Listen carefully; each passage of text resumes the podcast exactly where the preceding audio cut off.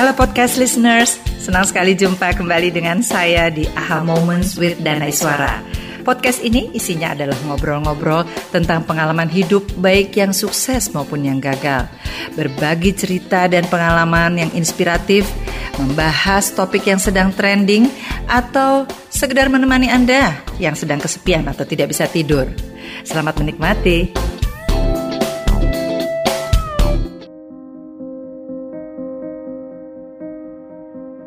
Halo podcast listeners, kerusakan lingkungan selain karena disebabkan oleh bencana alam, juga disebabkan oleh ulah manusia. Dan kita faham bahwa perilaku manusia yang tak peduli pada lingkungan sampai kepada taraf mengeksploitasi isi bumi menjadi faktor penyebab kerusakan lingkungan yang jauh lebih besar daripada bencana alam. Polusi udara, tanah, air, dan suara adalah masalah yang amat serius yang dihadapi penduduk bumi termasuk kita di Indonesia. Setiap individu tentunya wajib mencegah kerusakan lingkungan menjadi lebih parah. Permasalahan lingkungan ternyata bukan hanya masalah teknis ekologi semata. Akan tetapi ia juga menjadi bagian dari teologi karena berkait dengan keimanan, yakni merawat alam merupakan ibadah adalah Romo Andang Binawan SY yang sejak tahun 2006 melakukan penyadaran dengan mengajak masyarakat mulai dari akar rumput termasuk siswa sekolah dan kaum remaja agar membuang sampah dengan tertib, mengumpulkan, memilah dan mengolahnya menjadi kompos, menyetop penggunaan plastik dan semua perilaku yang ramah terhadap lingkungan. Begitu gigihnya Romo Andang sampai-sampai ia dijuluki Romo Sampah. Kita ikuti yuk obrolan saya bersama rohaniwan sekaligus aktivis lingkungan sejati Romo Andang Binawan. Selamat mengikuti. Romo Andang. Selamat sore. Selamat sore, selamat datang di podcast saya AHA Moments uh, with Dana Iswara. Terima kasih menjadi kehormatan buat saya jadi tamu istimewa. Terima kasih sekali, ini uh, merupakan kehormatan untuk saya dan selamat Natal Romo. Masih Terima kasih banyak. Natal. Terima kasih banyak. Semoga damai dan kasih selalu menyertai kita. Amin. Amin. Uh, juga masih dalam rangka suasana Natal Romo uh, ini kan Natal kedua di masa pandemi. Ya. Dan uh, sebagian besar uh, ibadah misa masih dilakukan melalui live streaming.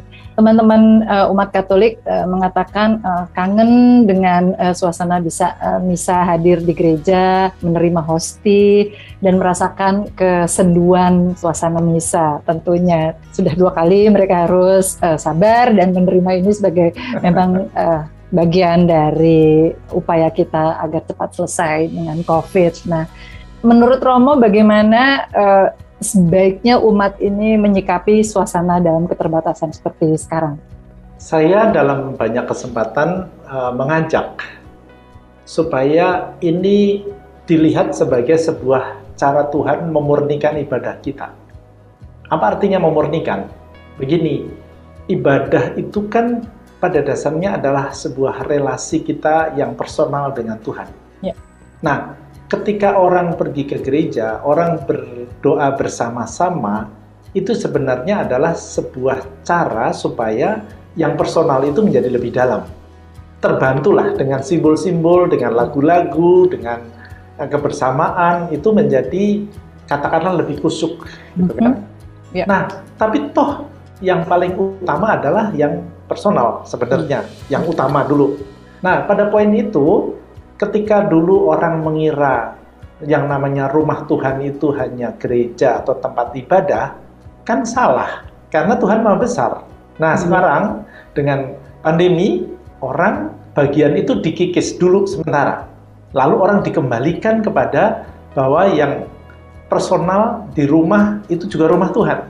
Hatimu, kamarmu juga rumah Tuhan. Nah, dengan demikian sebenarnya kita diajak supaya nanti kalau beribadah bersama-sama, basisnya ibadah personal itu lebih dahulu, bukan dibalik. Mm-hmm. Jadi tujuan nah, transendental itu bisa dilakukan di mana saja ya, Prof. Iya. Tidak ya. perlu harus datang ke gereja atau ke rumah Tuhan lah katakan. Ya, itu tadi kan seperti tadi saya katakan betul ibadah bersama itu penting. Tapi itu pun ah, harus diletakkan di dalam sebuah konteks hubungan personal dengan Tuhan. Kalau kita itu hanya beribadah, hanya bisa bersama-sama, atau hanya dengan lagu-lagu Natal, atau hanya dengan karena ada di dalam konteks di dalam gereja, ya malah membatasi kebesaran Tuhan, bukan?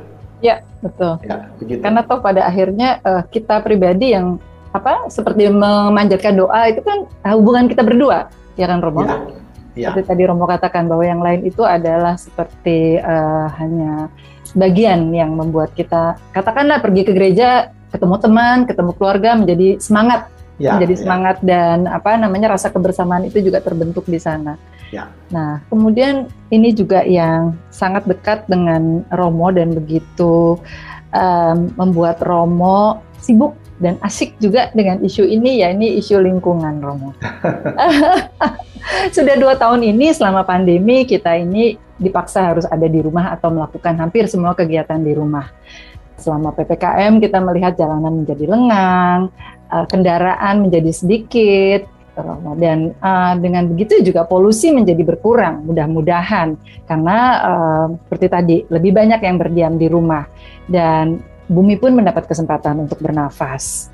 Nah, untuk Romo yang sangat peduli dengan isu lingkungan, pada sebuah webinar Romo pernah mengatakan bahwa uh, dalam filsafat teologi dan ekologi dikatakan bahwa merawat alam adalah ibadah.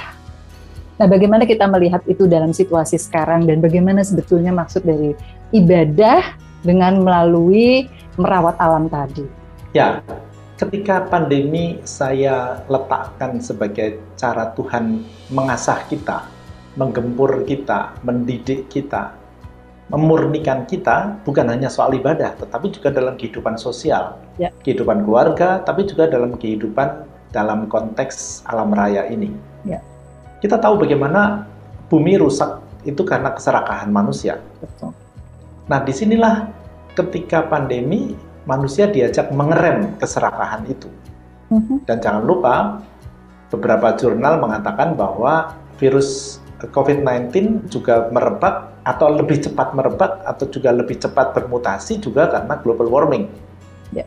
Ada unsurnya itu. Nah, dengan demikian kita pun lalu berefleksi, jangan-jangan ini adalah akibat ulah kita. Maka kita diajak untuk sungguh-sungguh kembali kepada kesaling bergantungan dan kesaling keterikatan kita dengan yang lain. Karena itulah esensi dari hidup bersama. Apakah itu kemudian bermakna ibadah? Iya juga, iya banget. Karena kita tahu bagaimana ketika diyakini bahwa bumi seisinya adalah ciptaan Tuhan, maka ketika merawat bumi ini pun berarti kita juga mengasihi Tuhan yang menciptakan. Dalam bahasa yang lebih mistik dalam arti uh-huh. uh, dalam bahasa Islam Sufi uh-huh. itu kan kita bisa menemukan Tuhan dalam setiap jengkal seperti Rumi mengatakan Eh, dalam setiap jengkal daun, embun, batu, pasir itu ada kita bisa melihat menemukan dan melihat Tuhan. Nah, kalau semuanya itu baik, maka juga akan kelihatan bagaimana relasi kita dengan Tuhan. Mm-hmm. Kalau kita itu tidak menghargainya, maka di situ juga kita tidak akan menemukan Tuhan. Iya. Itulah ya. kurang lebih ibadah yang secara tidak langsung bisa dikaitkan dengan bagaimana kita memelihara bumi seisinya dan kita bisa melihat kebesaran Tuhan ya karena ya. merawatnya itu. Ya. Okay. Nah, kalau bentuk daripada dukungan atau dorongan dari internal gereja sendiri untuk merawat dan menyembuhkan bumi yang sakit ini seperti apa, Romo? Mula-mula kita tentu saja mengajak melihat apa yang terjadi dengan bumi seisinya. Kita melihat kerusakan-kerusakan, bukan hanya kerusakan di dalam arti global, bukan hanya nasional, tapi juga yang ada di lingkungan kita sehari-hari. Dalam konteks Jakarta, saya selalu mengajak melihat, lihatlah, ada sampah di mana-mana. Dan itulah cermin kita. Cermin di mana kita tidak peduli, di mana kita serakah, dan nggak mau repot. Nah, itulah dosa kita. Ketika kita mulai masuk pada perkara iman, kita akan mengenali bagaimana sebenarnya Tuhan itu begitu maha besar dan sebenarnya menciptakan semuanya baik, tapi manusia yang merusaknya. Nah, dengan pendasaran iman ini lalu kita mengajak masuk pada perkara-perkara praktis untuk belajar peduli pada sampah, peduli untuk memilah sampah, mengolah sampah, tapi dari situ pun lalu juga peduli pada air, pada udara. Nah, itu pada lingkup konteks di Jakarta, tapi tentu saja dalam konteks di Indonesia, ya kita bisa melihat bagaimana peduli pada air, peduli pada plastik yang ada di mana-mana dengan mikroplastik yang sudah merebak dan segala macam, termasuk global warming. Ya. Lalu di, diarahkan kesadarannya, tapi juga perilaku-perilakunya. Baik. Nah, ini tadi ya kalau kita sudah uh, bicara mengenai sampah yang di mana-mana, itu saya ingat bahwa di salah satu YouTube-nya Romo, uh, Romo Anda mengatakan bahwa Jakarta, karena kebetulan uh, saya dan Romo ada di Jakarta, uh, Jakarta sebagai ibu kota ini mempunyai tiga masalah polusi, yakni polusi udara, tanah, dan air. Nah, seberapa parah sih uh, Romo melihat ini dan apa yang sudah Romo lakukan untuk masalah polusi di Jakarta ini dan uh, adakah kerjasama yang Romo lakukan misalnya dengan pihak-pihak uh, instansi pemerintah Pemda Jakarta. Ya, seberapa parah? Mm-hmm. Kalau boleh jujur, parah banget. Parah banget. parah banget. Ya, seperti kita tahu misalnya, di Jakarta ada 13 sungai katanya. Mm-hmm. Tapi, apakah kita bisa menemukan sungai di Jakarta? Isinya comberan, jangan-jangan. Ya iya. Ya kan? Iya. Air. Air yang di dalam tanah. Sekarang bukan hanya soal bagaimana intrusi air laut, tetapi juga bakteri koli yang ada di mana-mana misalnya. Sehingga kita harus beli air. Udara, jelas udara di Jakarta kan Positif, katanya malah salah satu lima besar di dunia yang kotornya, bukan?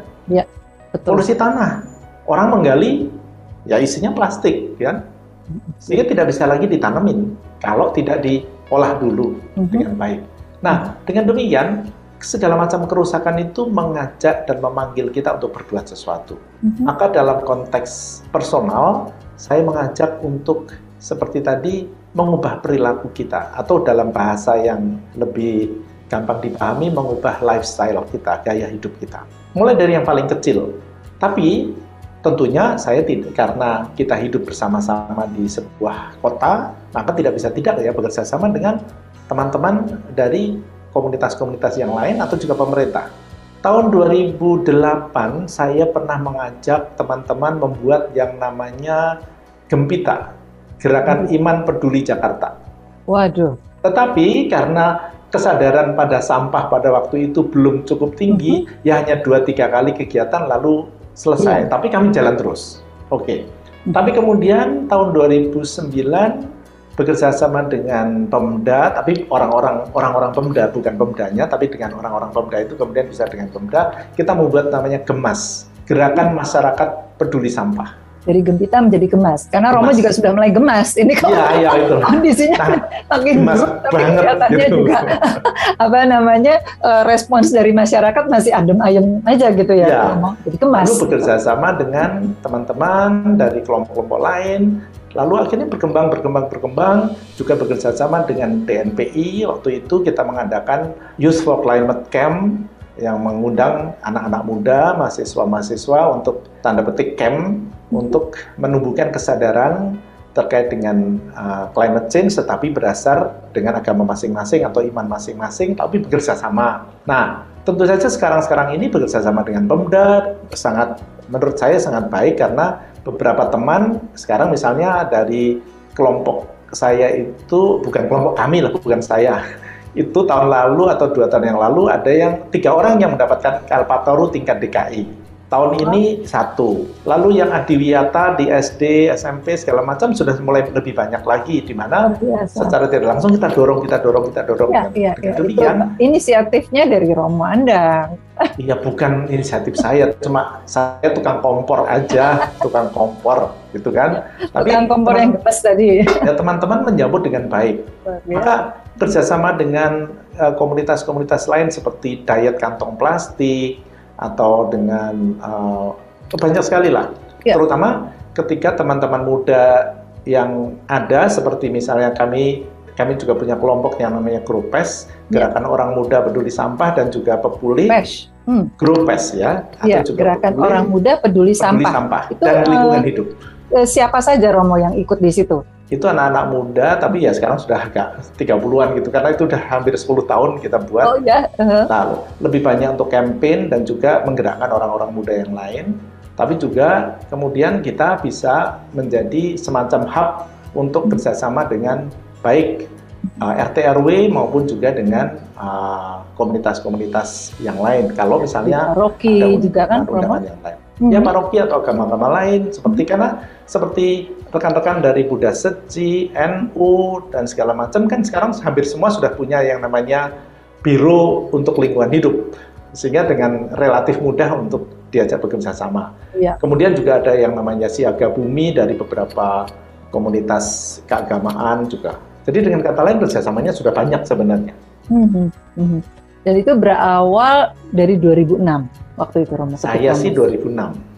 Ketika masih bisa dikatakan relatif sepi dan masih uh, apa sendiri lah Romo. Ya waktu itu Sekali, menurut menurut salah satu penelitian isu lingkungan hidup itu masih di ranking 7 masih belum belum seksi lah tapi sekarang kan berarti ranking 2 jadi gampangnya begini penelitian itu adalah penelitian dari para pembuat iklan Okay. Nah, isu mana yang paling cocok? Nah, lingkungan hidup waktu itu belum diisi, tapi sekarang masih kan, ranking 7. Bahkan AC ada Eco AC gitu kan. Nah, semua yang Eco-Eco itu termasuk Eco Patrio gitu. Baru dianggap seksi deh kalau Baru dianggap seksi sekarang. Ya, ya. Sampai semua kan lemari es gitu ya, kan. makanya semua. Semuanya alat-alat rumah tangga betul sekali. Nah, ini um, hal yang sederhana sekali seperti tadi Romo bilang, uh, diet tas kantong plastik, plastik, kantong ya. plastik, ya. Uh, di pasar-pasar tradisional Romo dan saya percaya uh, di daerah gitu ya, semakin jauh dari kota besar ini juga mungkin masih uh, terasa hambatannya. Kita yang pergi ke pasar sudah sadar membawa tas daur ulang atau kertas apa pun itu yang non plastik.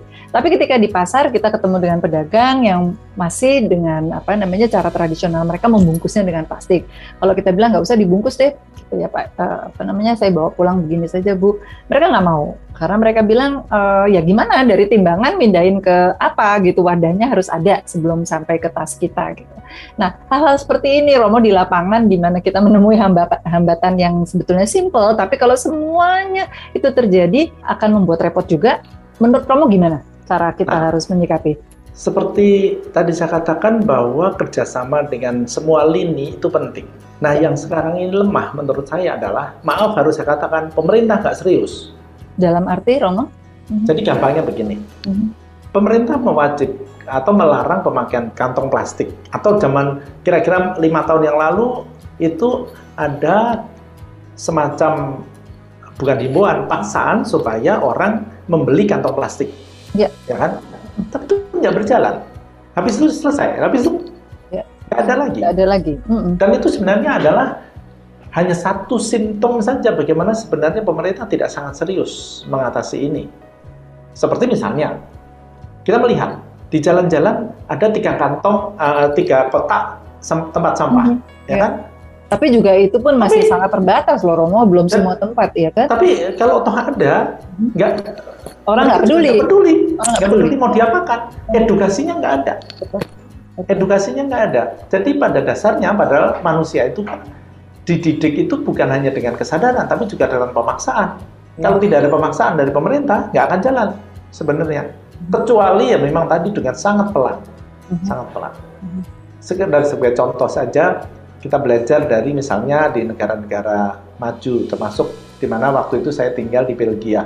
Uh-huh. Mereka tuh ternyata dalam empat tahun itu bisa kok memilah-milah sampah berdasarkan plastik-plastik yang terbatas. Tapi dengan tentu saja dengan pemerintah sangat serius dan keras. Turun. Jadi kalau memang benar-benar misalnya sampah kantong eh, kantong hijau yang harusnya hanya organik, tapi ada kertasnya nggak akan diambil. Okay. Nggak akan diambil dan di sana kan juga nggak ada tempat sampah di pinggir jalan. Jadi dengan kata lain, pemerintah harus serius sebenarnya untuk mendidik. Iya, iya. Dan memang himbauan untuk tidak pakai kantong plastik itu kan lebih banyak di, di pasar-pasar swalayan terus ya, terang ya, ya, di ibu ya. kota sini ya atau di kota-kota besar lah gitu ya. Tapi untuk di pasar tradisional mungkin uh, tidak terlalu di tidak terlalu dipaksa dan rambu-rambu untuk itu juga saya kurang lihat gitu loh Romo. Betul. Sejauh yang saya yang sejauh perhat, apa saya perhatikan. Jadi uh, yang di daerah di pasar tradisional merasa tidak terlalu uh, ada pemaksaan dan memang bukan pemaksaan masih berupa himbauan kan ini gitu. Ya. Tadi yang uh, Romo bilang pemerintah nggak serius. Jadi masyarakat kita mungkin mungkin memang harus dengan dipaksa dan ada punishment. Ya, ya. Dan rewardnya juga mungkin ada gitu ya. ya yang membuat pan, yang bisa membuat punishment kan hanya pemerintah. Iya. Ya kan? Mm-hmm. Iya. Makanya itu tadi pemerintah nggak serius karena nggak ada punishment, adanya reward. Waduh. Tapi kan rewardnya, gampangnya saya suka, suka ngeledek. Rewardnya dengan adipura, dengan ya. kalpataru, tapi adipura-pura itu. Artinya? Oh. Adipura-pura. Jadi kadang-kadang kan hanya project saja, Hmm. Artinya bukan sesuatu yang berkesinambungan misalnya selama satu tahun penuh dinilai, tapi hanya pada saat-saat terakhir kan. Ya, ya. Itu kan jadi simbolik aja, arti pura-pura namanya. Dan kadang-kadang memang apa namanya dilihat dari kelompok-kelompok yang uh, bergerak gitu, baru kemudian dinilai, tapi bukan masuk langsung ya. ke masyarakat, ke masyarakat ya, umum dalam keseharian mereka itu bagaimana? Ya, ya betul, ya, ya. Jadi tamannya bersih, apa namanya bersih, tapi kan itu kan bisa diproyekkan. Dalam sekejap bisa sampah hilang, taman hijau, got-got bersih. bersih ya. Tapi kan tidak berkesinambungan. Kalau dilihatnya selama selama satu tahun misalnya, ya mungkin akan berbeda lagi.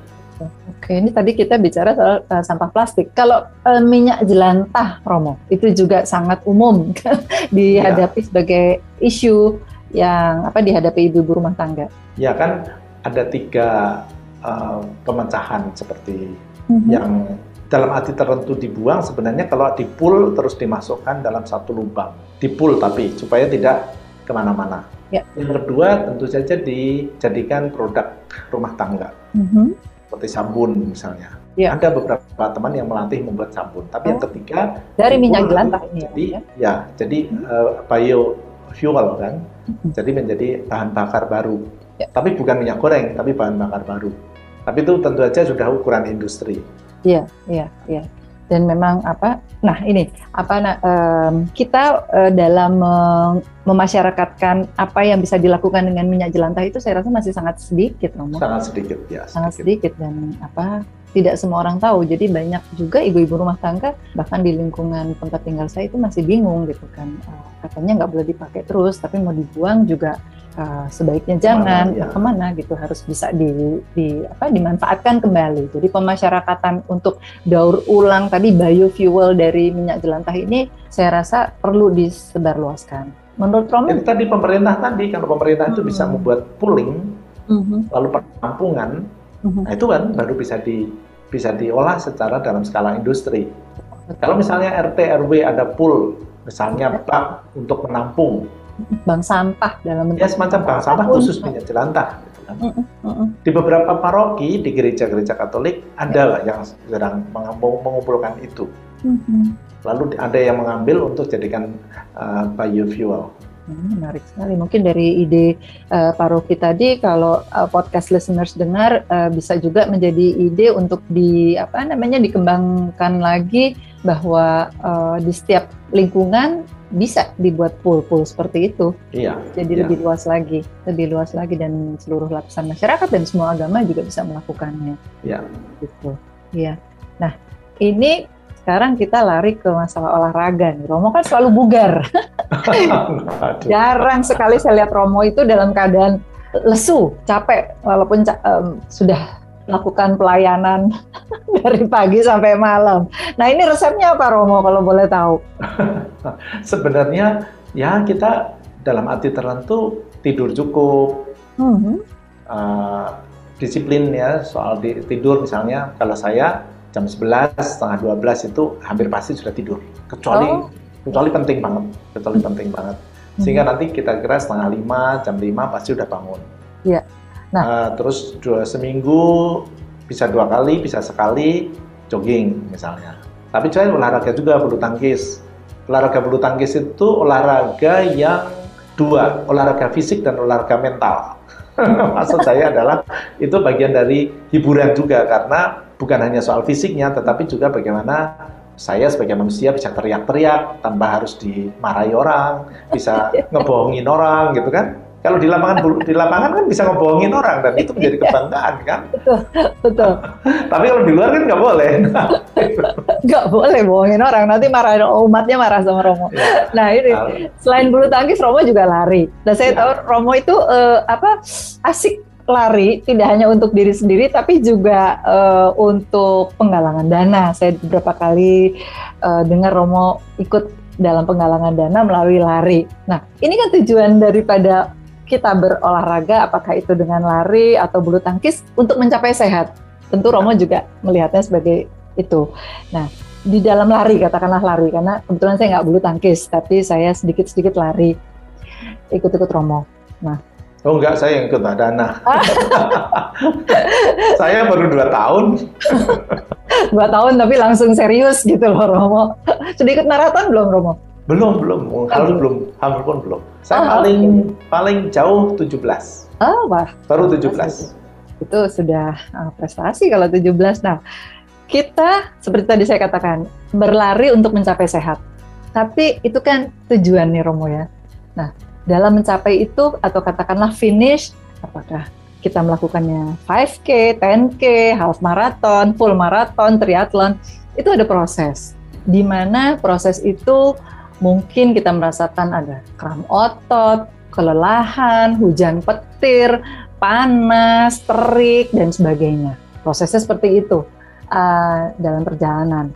Romo pernah nggak mengalami hal itu dan kalau Romo pribadi tuh gimana mengatasinya? Terutama kalau yang long run tadi seperti 17 km. Saya menghayati lari Mhm. itu juga bagian dari olah spiritual. Ah, menarik sekali. Memang itu fisik, betul. Tapi olah spiritualnya sebenarnya adalah ketika saya mengalahkan diri saya sendiri. Betul. Mhm. Jadi bangun pagi, Ya. ah malas, Masih masih ngantuk? ngantuk. Mhm. Tapi saya harus memaksa diri. Nah, memaksa diri itu kan sebenarnya bagian dari olah spiritual. Seperti tadi saya katakan, olahraga badminton atau bulu tangkis lah yang membuat saya eh, terhibur. Mhm. Dulu saya nggak suka lari, nggak suka renang karena boring banget, bosen banget. Karena ya monoton banget kan. Tapi ketika saya sekarang menghayatinya bisa setapak demi setapak, jadi mengalahkan diri sendiri itu banyak sekali di dalam lari ternyata. Mulai dari ketika bangun pagi, mulai pemanasan, males-malesan. Nah, ketika start itu pun saya harus menga- mengatasi kebosanan, bukan? Betul. Nah, ketika saya mengatasi kebosanan, lama-lama saya tahu ritmenya bahwa saya harus bisa menghayati setiap langkah. Dan itu sebenarnya adalah sebuah penghayatan spiritual. Karena ketika menghayati setiap langkah itu, saya menghayati sebagai bagian hidup saya, dan ketika bagian hidup saya, ya saya bertemu Tuhan. Ya, menarik sekali. Jadi, eh, Romo mungkin kalau lari suka lihat orang pakai earphones gitu ya. Untuk juga mengatasi kebosanan dia dengerin Iya, musik iya, iya, Spotify.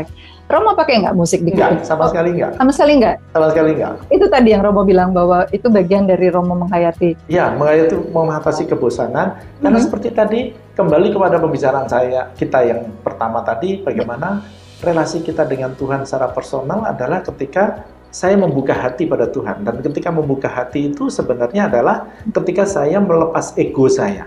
Ya. Nah, lari itu adalah cara juga mengasah supaya egonya semakin ditipiskan, bukan?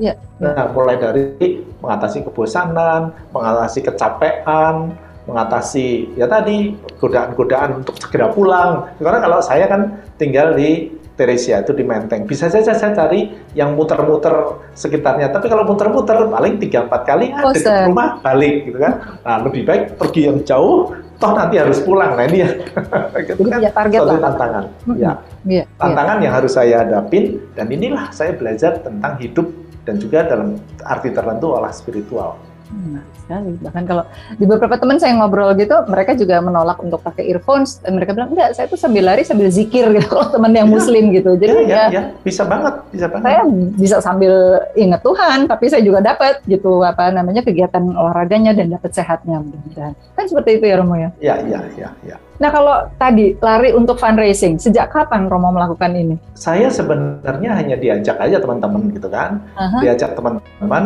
dan ternyata ya sambutannya cukup bagus. Ya, iya dong, pasti senang sekali kan didukung sama Romo Andang.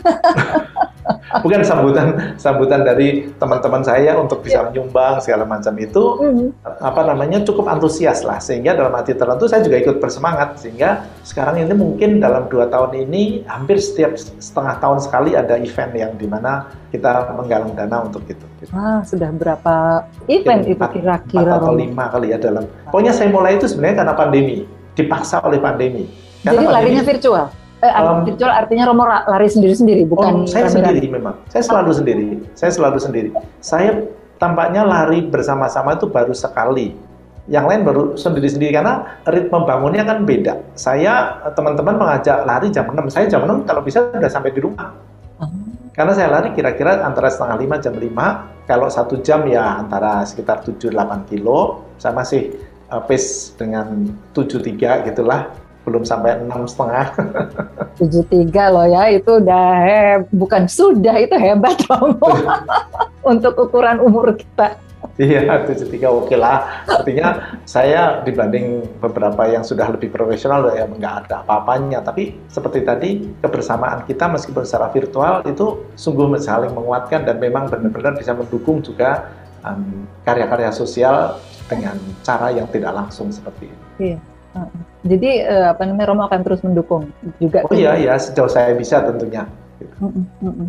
Bulu tangkis gimana Romo? Bulu tangkis Barangkali juga ada yang ajak Oh iya. penggalangan Tapi kalau bulu tangkis hanya- benar-benar hanya untuk hobi aja. Mhm. hobi Hmm. dan uh, ketemu teman-teman rame-rame teriak-teriak bareng, ledek-ledekan bareng.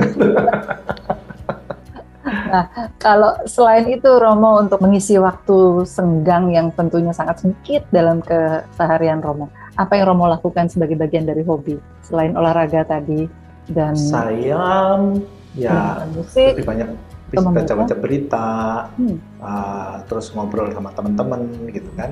Gitu. Mm-mm.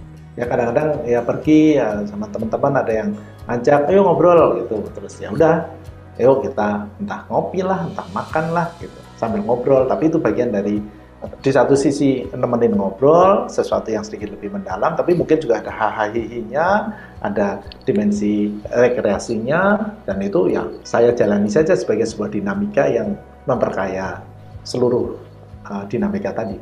Iya. Masih sempat baca buku Romo? Oh iya ya, biasanya untuk kalau buat paper kan harus baca buku. ya tapi buku yang bukan sebagai keharusan ini uh, backgroundnya paper saya gitu, tapi uh, apa ya buku yang mungkin hiburan gitu membuat Romo uh, apa Dulu merasa saya suka baca Iya. novel, Oh. tapi uh, sudah cukup lama saya tidak tidak baca. Sebenarnya saya suka ya seperti tadi jalan atau nonton film-film Eropa gitu kan. Film Eropa itu kan bagi saya mendalam sekali ya. Mm-mm. Tetapi ya waktunya sudah nggak ada sekarang, hampir nggak ada. Kecuali kalau memang saya sempetin banget itu mungkin masih bisa. jadi sudah selektif sekali ya Romo. Mungkin Ya. nggak bisa sembarangan lagi. Kalau dapat rekomendasi film ini bagus, ya Oh iya itu baru misalnya. Tapi dicoba dicari waktu yang pas gitu. Iya betul. Dan sekarang mungkin terbantu juga dengan adanya bukan bukan iklan ini, tapi Ya. Netflix kan Iya iya iya betul. bisa dilakukan di rumah atau sebelum Iya iya iya lebih santai lah kalau gitu. iya iya. iya. Baik kalau gitu Romo, eh, saya nggak boleh lama-lama ini menahan Romo untuk ngobrol-ngobrol walaupun asik sekali dan ingin lebih lama karena pasti Romo sibuk masih dalam rangka Natal. Oke. Terima Biasa, kasih biasa. banyak untuk waktunya Romo. Terima kasih kembali kehormatan besar buat saya bisa berjumpa dengan Mbak Dana dan juga teman-teman yang mendengarkan. Kehormatan juga untuk saya untuk bisa eh, mewawancari Romo kali ini. Salam sehat selalu Romo. Ya, salam sehat. Sampai jumpa. Sampai, sampai ketemu. Ya. Sampai ketemu.